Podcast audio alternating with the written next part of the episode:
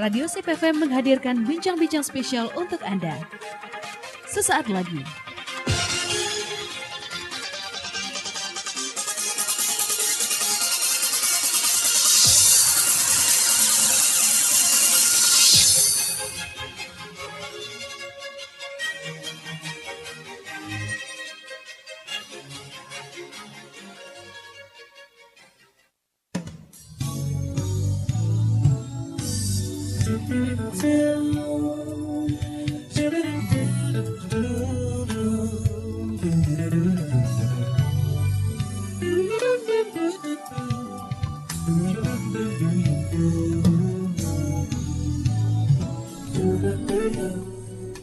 Bismillahirrahmanirrahim. Assalamualaikum warahmatullahi wabarakatuh. 105,8 Radio SIP FM Inspirasi keluarga Anda. Selamat pagi keluarga SIP di mana pun Anda berada.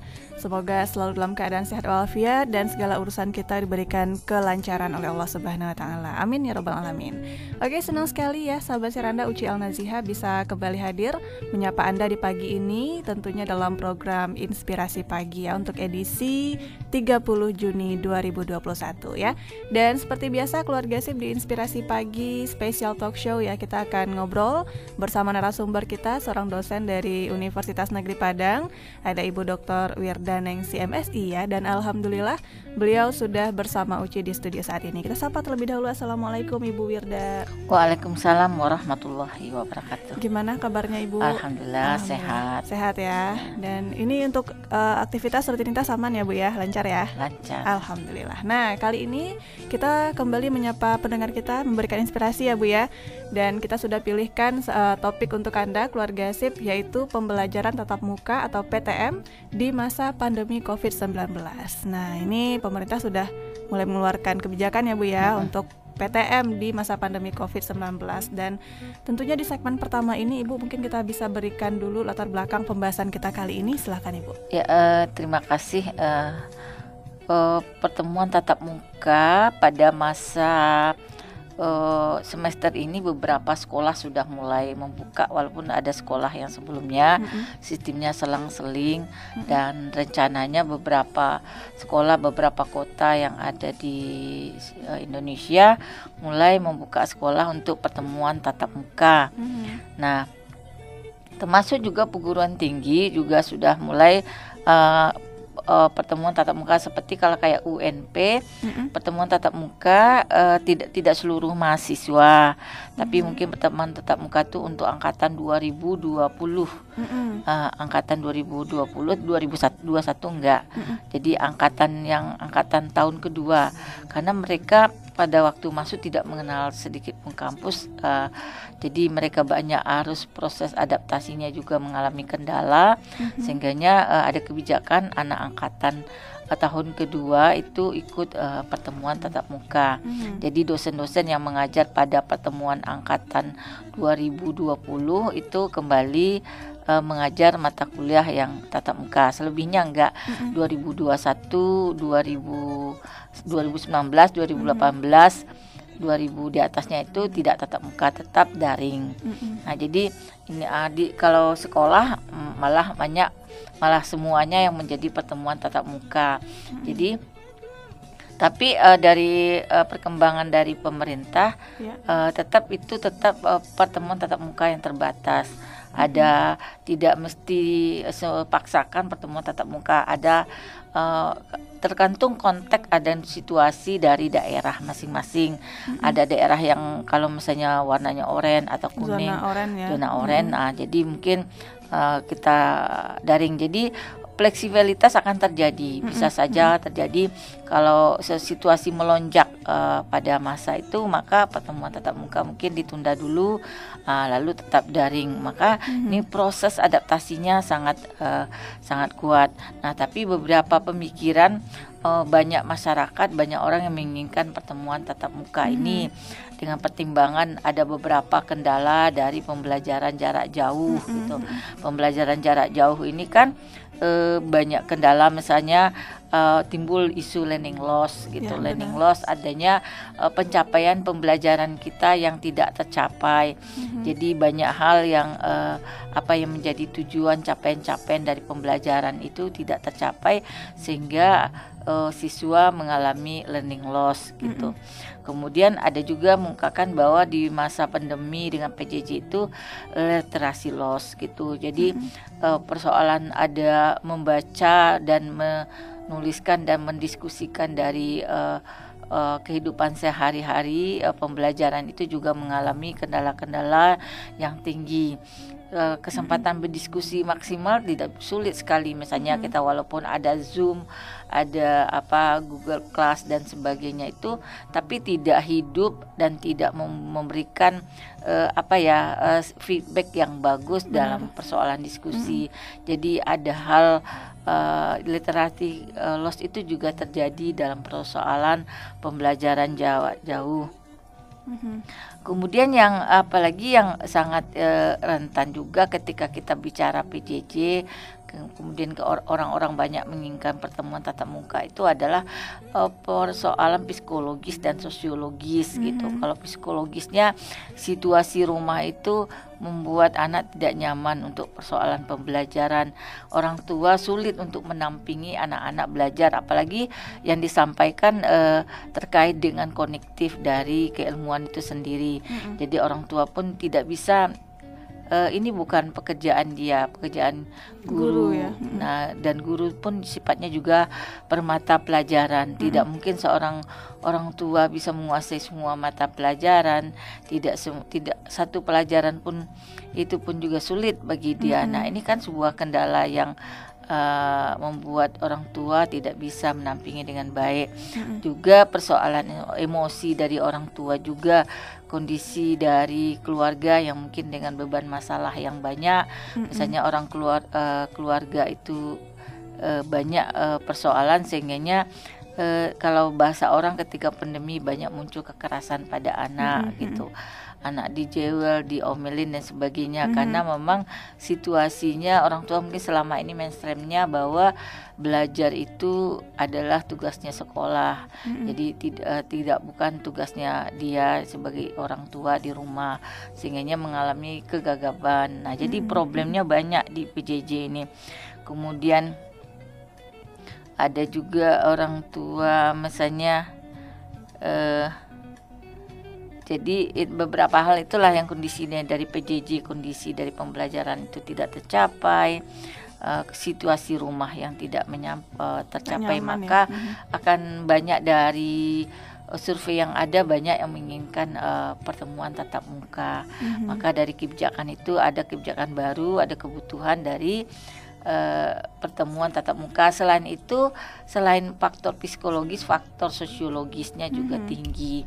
Faktor sosiologisnya tinggi adalah uh, kebutuhan ketika persoalan interaksi guru dengan siswa itu juga suatu yang penting dalam proses pembelajaran. Hmm. Interaksinya itu akan membangun sebuah tumbuh kembang yang baik bagi anak. Kemudian selain itu, kebutuhan eksistensi sosial daripada siswa siswa dengan berada bersama teman-temannya uh, sebuah kebutuhan. Jadi mm-hmm. dan itu mempengaruhi bagaimana mereka bisa menjadi uh, mengikuti pembelajaran gitu. Jadi banyak hal yang menyebabkan pentingnya sebuah pertemuan tatap muka.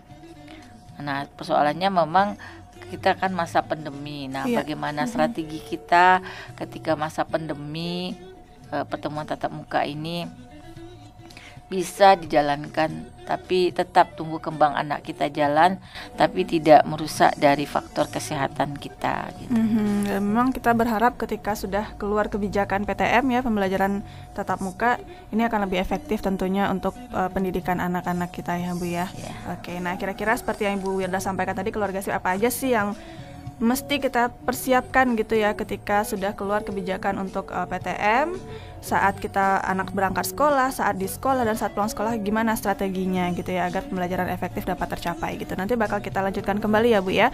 Dan keluarga SIP uh, Uci juga mengundang atensi Anda di 082268114887 untuk Anda yang ingin bertanya seputar pembahasan kita kali ini ya.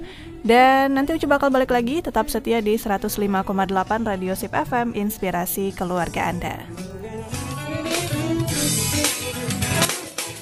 105,8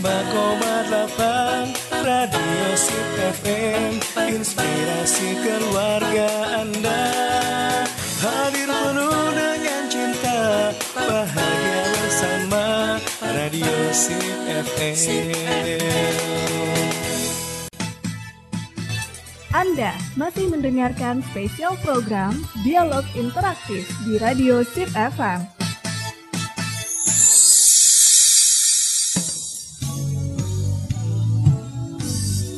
it till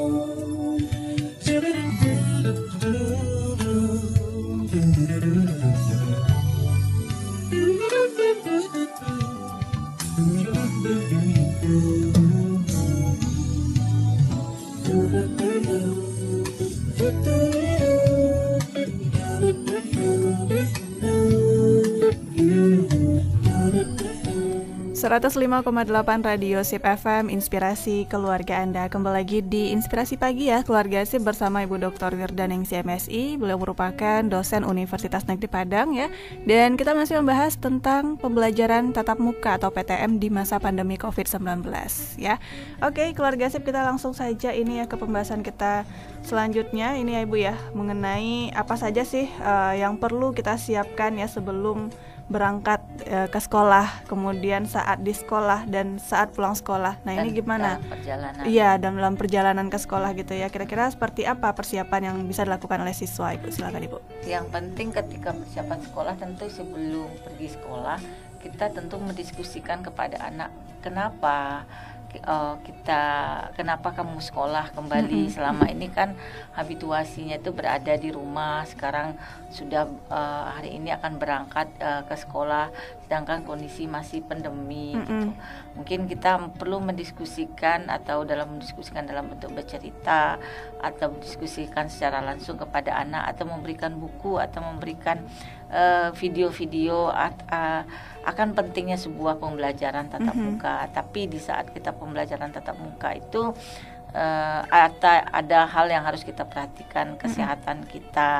Nah, kalau pelajaran tatap muka tentu uh, dengan dengan caranya tersendiri orang tua menerangkan kenapa oh, kamu perlu belajar dengan guru kembali, mm -hmm. kemudian berinteraksi dengan teman-teman kenapa pembelajaran uh, uh, tatap muka menjadi sesuatu yang penting dilihat secara psikologis dan sosiologisnya dan uh, dan kita tidak perlu uh, terlalu takut uh, takut tapi kita tetap uh, apa namanya uh, waspada, waspada, ikhtiar hmm. dan sebagainya. Karena satu sisi penting sebuah pertemuan tatap muka, tapi penting juga menjaga kesehatan. Hmm. Nah, sebelum berangkat itu tentu kita yang biasa harus dipersiapkan orang tua sama-sama.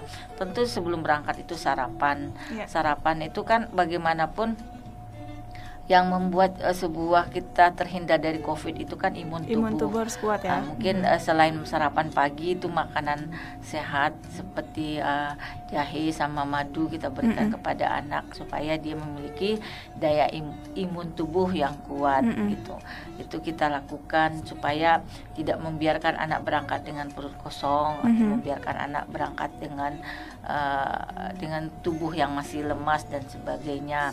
Kemudian yang sangat penting juga tentu uh, dia berangkat ini uh, sehat, sehat, sehat ya. tubuhnya hmm. kita sehat dulu. Biasanya kan kita kalau uh, di sejauh berapa derajat suhu tubuh kita. Hmm. Kalau memang kita kita sakit kalau memang ada gejala-gejala mendingan tidak berangkat dulu dipaksa anak-anak ya. kita tetap di Mm-mm. rumah gitu tapi kalau anak kita sehat baru kita lepaskan untuk berangkat Mm-mm. gitu nah kemudian eh, tentu kita siapkan juga masker artinya Mhm. masker jangan masker yang sudah berhari-hari kita Mhm. pakai juga cuma masker yang kita pakai kita mau tidak mau masker yang baru berikan kepada anak dan memang disiapkan kepada anak untuk Mhm. memakainya dan yang sangat penting juga eh, hand sanitizer ada pada anak Eh, yang tak lupa perlengkapan anak misalnya yang box makanan anak anak-anak kan bawa makanan bawa makanan dari rumah gitu Mhm.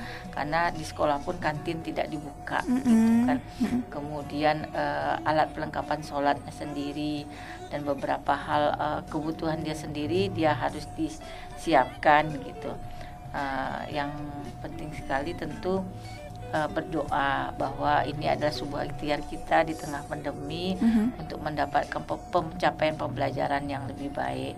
Nah, itu dilakukan uh, kita sebagai orang tua menyiapkan hal semacam itu kepada anak.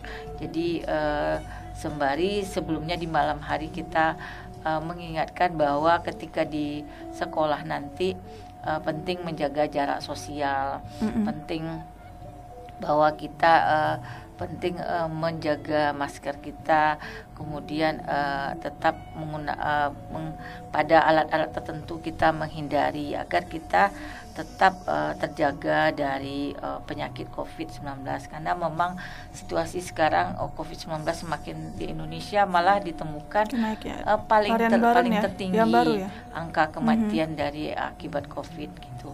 Uh, karena mungkin salah satu penyebabnya mungkin kita uh, lengah dan sebagainya atau mungkin uh, kita mungkin ada sebuah seuzon bahwa. COVID ini uh, situasinya adalah banyak kon banyak konstelasinya sehingga kita menyebabkan kita menjadi tidak peduli sebenarnya Mhm. konstelasi itu memang sudah bagian dari dinamika tapi bukan berarti kita lepas eh, dari apa yang menjadi penjagaan diri kita ya memang kan manusia ada yang memanfaatkan ke situasi covid itu untuk kepentingan uh, sendiri tapi uh, ada juga di setengah covid ini orang mau berbuat baik Mm-mm. mau berjuang dan sebagainya situasi sekarang kita akan melihat perawat yang begitu banyak di um, kewalahan dalam menghadapi pasien-pasien COVID yang sangat banyak. Mhm. Tapi di satu sisi kita butuh juga pertemuan kuliah sekolah anak-anak kita dengan tatap muka. Nah, Mm-mm. maka hal itu kita memberi kesadaran kepada anak kita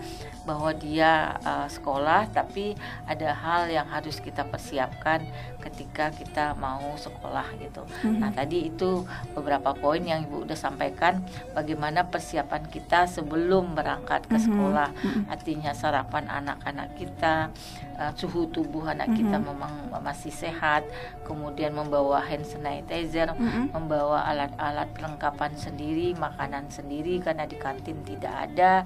Kemudian sangat penting berdoa, Berdoa, bahwa mhm. ini adalah sebuah ikhtiar kita untuk mendapatkan sebuah pendidikan Mhm. yang lebih baik di tengah pandemi COVID-19. Mhm, Oke, dan yang pasti juga kita harus ini ya memberikan arahan kepada anak-anak gimana sih eh, apa namanya interaksi kita di sekolah gitu ya Bu ya. Kadang kan kalau yang namanya anak-anak pasti kalau udah oke di kelas mungkin diberikan jarak gitu sama guru ya. Tapi ketika berada di luar kelas mungkin dia ketemu teman-temannya gitu Iya. ya, berinteraksi dengan teman-temannya mungkin jadi lost lagi gitu ya. Jadi kita harus memberikan pengertian kepada anak untuk tetap menjaga jarak dan mematuhi protokol kesehatan tadi ya. Oke, nah itu eh, persiapan yang harus kita lakukan sebelum berangkat ke sekolah. Nah, ketika dalam perjalanan ke sekolah ini Ya, bagaimana nah Bu? perjalanan sekolah itu kan yang penting juga eh, di jalan pun menggunakan masker Mm-mm. dan tetap menjaga jarak minimal 1,5 meter Ya, gitu mm-mm. kita berjarak di perjalanan gitu yang kemudian hindari menyentuh permukaan benda-benda yang mungkin sering dipakai dipegang orang gitu Mm-mm. kan benda kan penularan itu kan melalui Melalui benda- tangan-tangan aha, kita kontak kemudian tangan fisik kita ya. masukin ke mulut mm-mm. dan sebagainya. Nah, kita menghindari benda-benda yang sebenarnya sering disentuh orang. Nah, kita berusahalah berada dalam posisi tidak menyentuh yang yang di situ akan banyak eh, eh, tempat penyaluran dari penyebaran COVID-19 itu. Kemudian sepanjang perjalanan itu hindari menyentuh uh, kata dokter juga ini beberapa sosialisasi yang dilakukan oleh para dokter Mm-mm. jangan menyentuh hidung, mata dan mulut. Mm-mm. Ketika itu dilakukan cuci tanganlah yang bersih dulu baru menyentuh mata, menyentuh mulut dan menyentuh hidung. Karena berdasarkan informasi dari dokter kan bahwa salah satu uh, tempat penyaluran dari virus itu adalah lewat hidung, mata dan mulut Mm-mm. gitu. Jadi kita harus menghindari itu di di dalam perjalanan. Kemudian di dalam perjalanan itu kita juga harus menerapkan etika batuk dan bersin setiap Mm-mm. waktu. Kita uh, batuk jangan batuk sembarangan.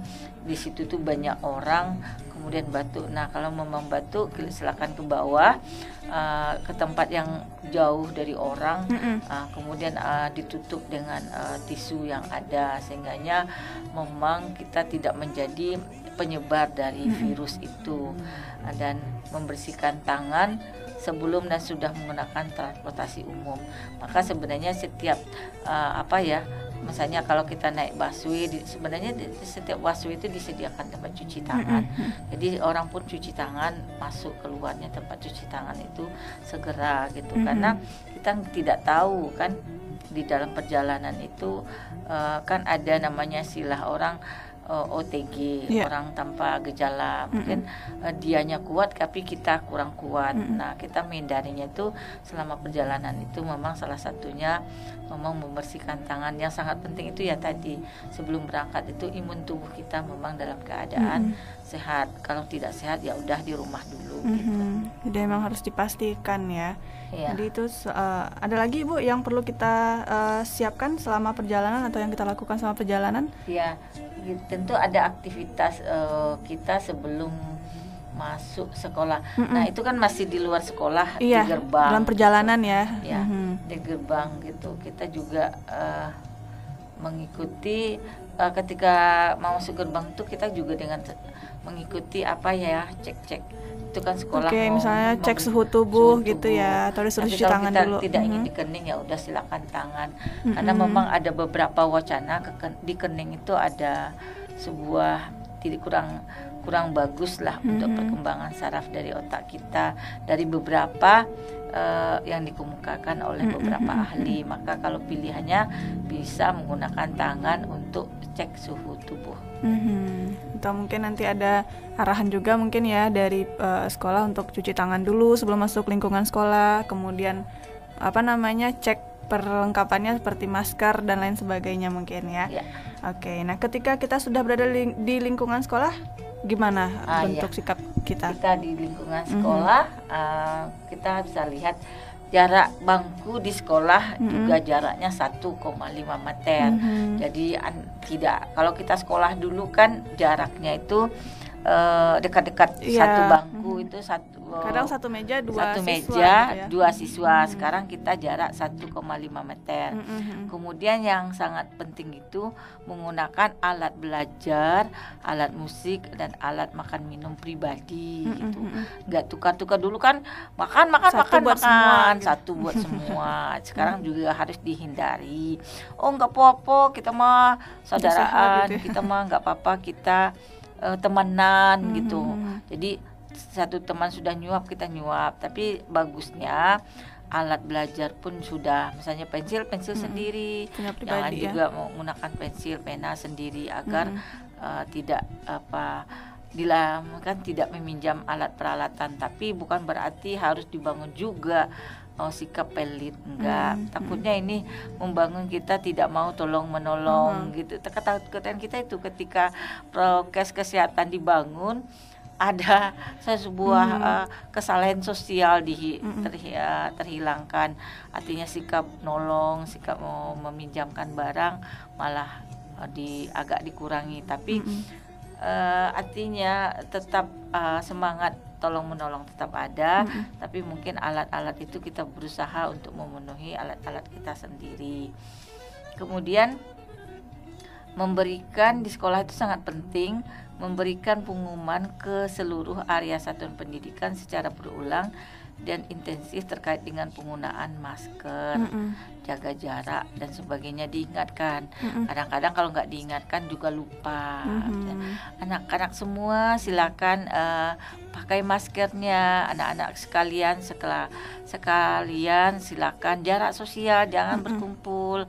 Jadi kan dari mungkin mengamati dari jauh gurunya nampak anak muridnya bergelomol pakai toa. Anak-anak jangan berada hati-hati gitu. Mhm. Yang jelas melakukan pengamatan visual Mm-mm. kesehatan warga satuan pendidikan. Jika ada yang memiliki gejala gangguan kesehatan maka harus ikuti protokol kesehatan satuan pendidikan. Jadi oh mentang-mentang sudah PTM lupa anak-anak kita tidak jarak sosial kita biarkan.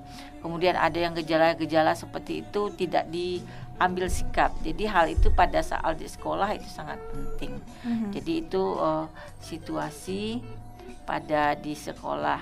Mhm, Oke. Nah itu di selama kegiatan pembelajaran ya.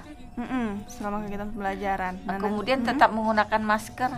ya nggak boleh Ah, dilepas berarti ya. Iya, Mhm. mungkin keluar. Kemudian ada yang menarik juga keluar ruang kelas dan satu pendidikan dengan berbaris sambil menerapkan jaga jarak. Jadi masuk kelas kan dulu buru buru buru buru langsung rame-rame. Mhm. Nah sekarang masuk kelas satu-satu sebenarnya bangun disiplin juga Iya, itu mhm. satu satu-satu masuk. Jadi kita juga ada aturannya Aturan masuk. ya, mhm. Dulu waktu SD kita juga kayak gitu juga, cuma Kerumunan kan ya. terakhir-terakhir sudah berubah kan. Benar, nggak ada Siswa aja masuk lagi ya. Mhm, gitu. mhm. Tapi malah ketika pandemi ini diingatkan kembali masuknya dengan jarak bahwa kita tuh masuknya agak satu-satu Mhm. dan berjarak gitu. melatih kedisiplinan ya. Oke. Iya. Nah, kemudian eh, kalau penjemputan peserta didik menunggu di lokasi yang sudah disediakan dan melakukan jarak sesuai dengan tempat duduk. Ya kadang orang-orang tua kan kalau anak PAUD kan mesti ditungguin. Mm-mm, benar. Nah, jadi orang tua pun harus ada di tempat yang juga jarak sosial. Kebiasaan kan kita komite sekolah kan nungguin anak PAUD duduk rame-rame makan sama-sama, Ngobrol, ya. sama-sama, gibah sama-sama. Nah, gitu nggak Benar. tahannya ya. Iya. Nah, sekarang kan mungkin harus jaga sosial gibahnya juga dihindari juga. Iya, benar sekali. Nah, jarak sosial harus apa?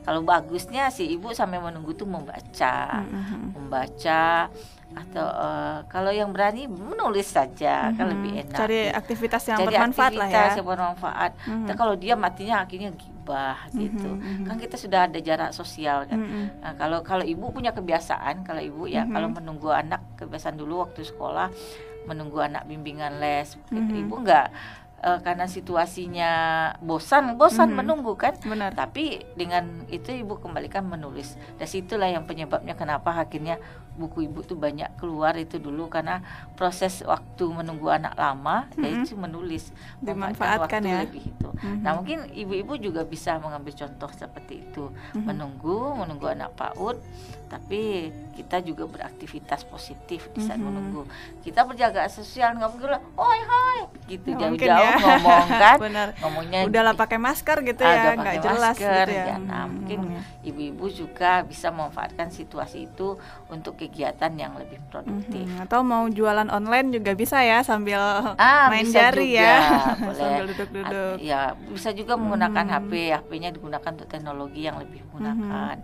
Ya, produktif lah. Oke, gitu. itu uh, pesan buat para orang tua tentunya ya yang nungguin anak uh, di sekolah tentunya.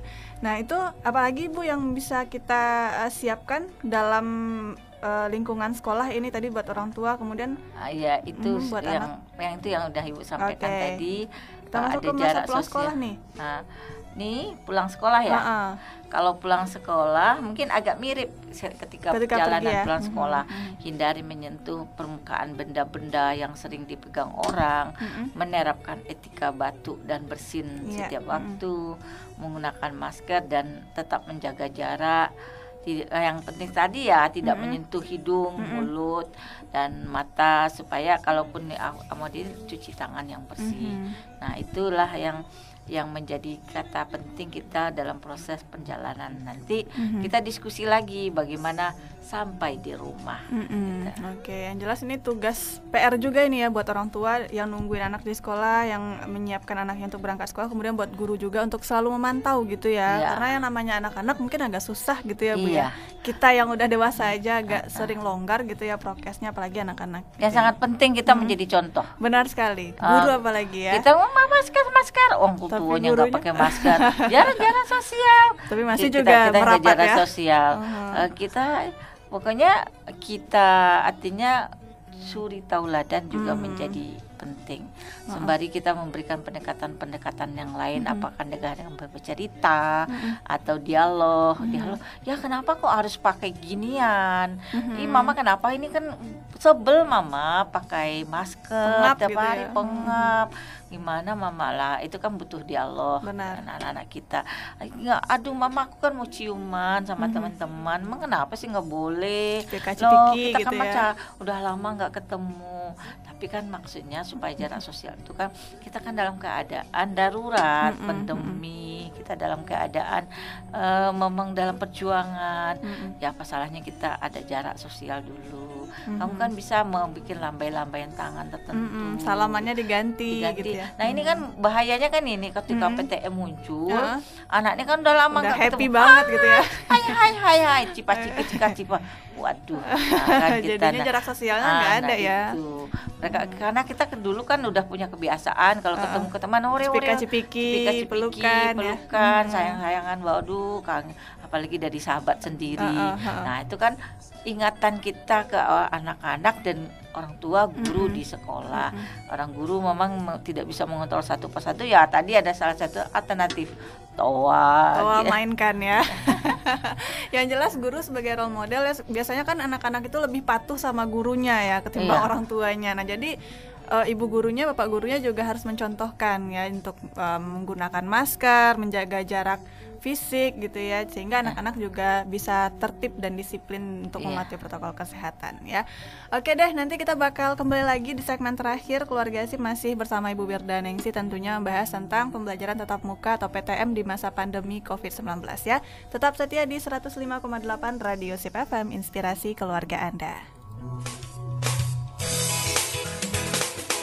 105,8 Radio Sip FM Inspirasi keluarga Anda Hadir penuh dengan cinta Bahagia bersama Radio Sip FM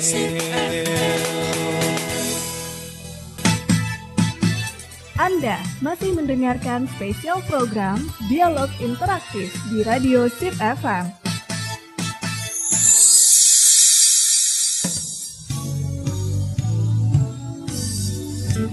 till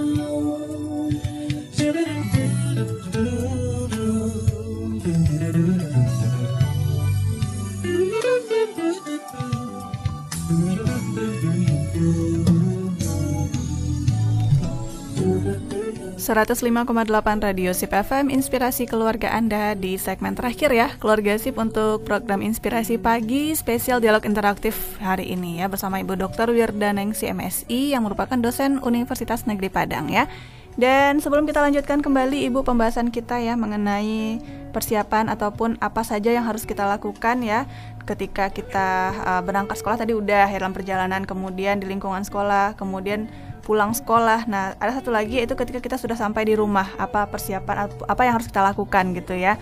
Nah, sebelumnya kita ke pendengar ya, ini dulu ya Bu ya, ke WhatsApp kita dulu ini ada satu pertanyaan yang masuk ya. Selamat pagi Ibu dan Kak Uci katanya pagi juga. Saya Sari di Andalas.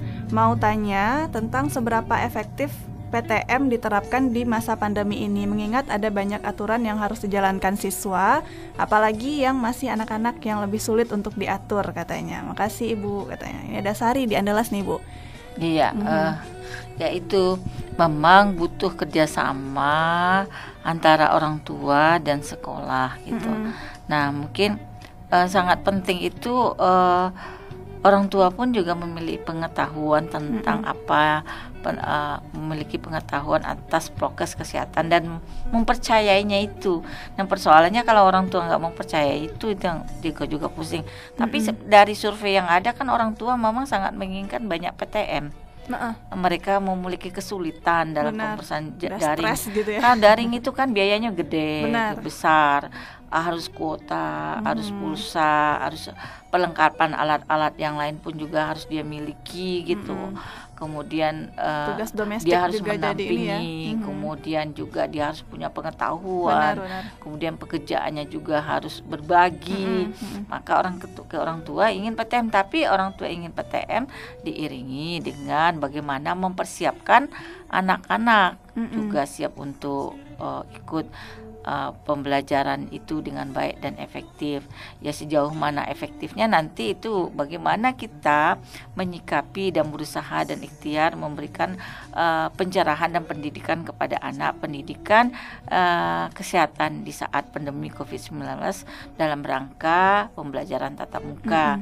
Tadi Ibu kita sudah nyampaikan bagaimana persiapan ke sekolah, bagaimana di saat sekolah, bagaimana juga di saat pembelajaran. Butuh kerjasama guru dan orang tua yang sama-sama eh, eh, memberikan kesadaran yang afektif lah kepada anak, tidak sebatas kognitif tapi afeksi kepada anak bahwa ini ada hal yang harus dipahami dengan kondisi pandemi ini.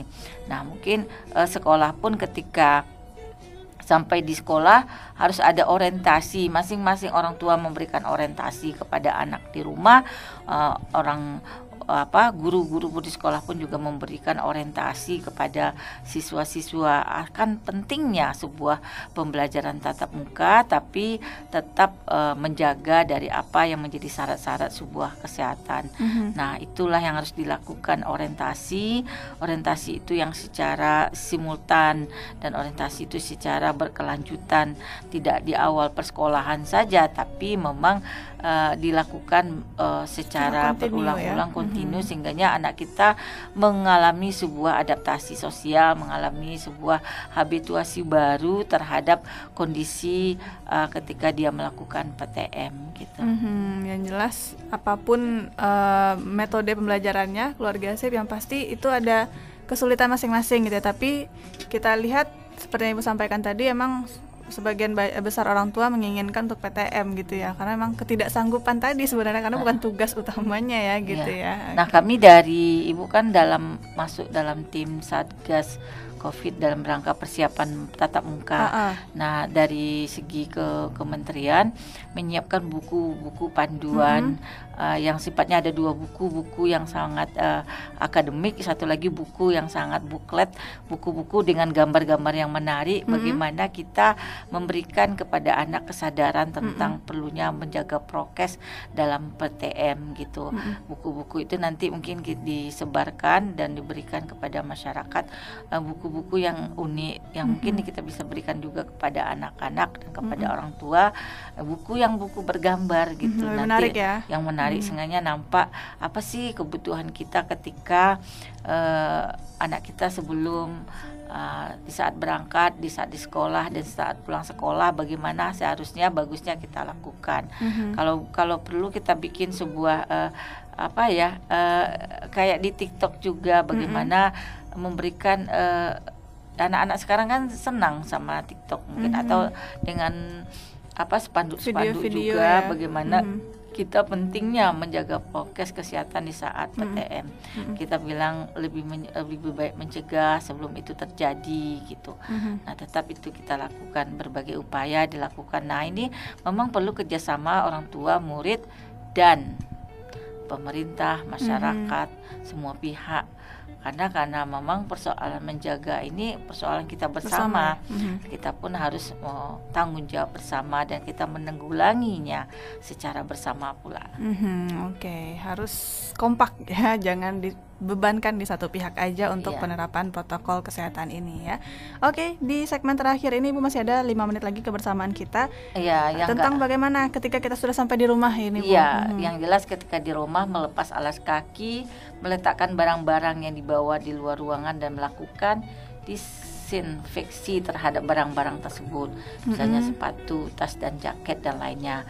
Kemudian kalau dapat sesampai di rumah bersih-bersih, mandi, mengganti pakaian sebelum berinteraksi fisik Mhm. dengan orang lain Mm-mm. yang ada di dalam rumah.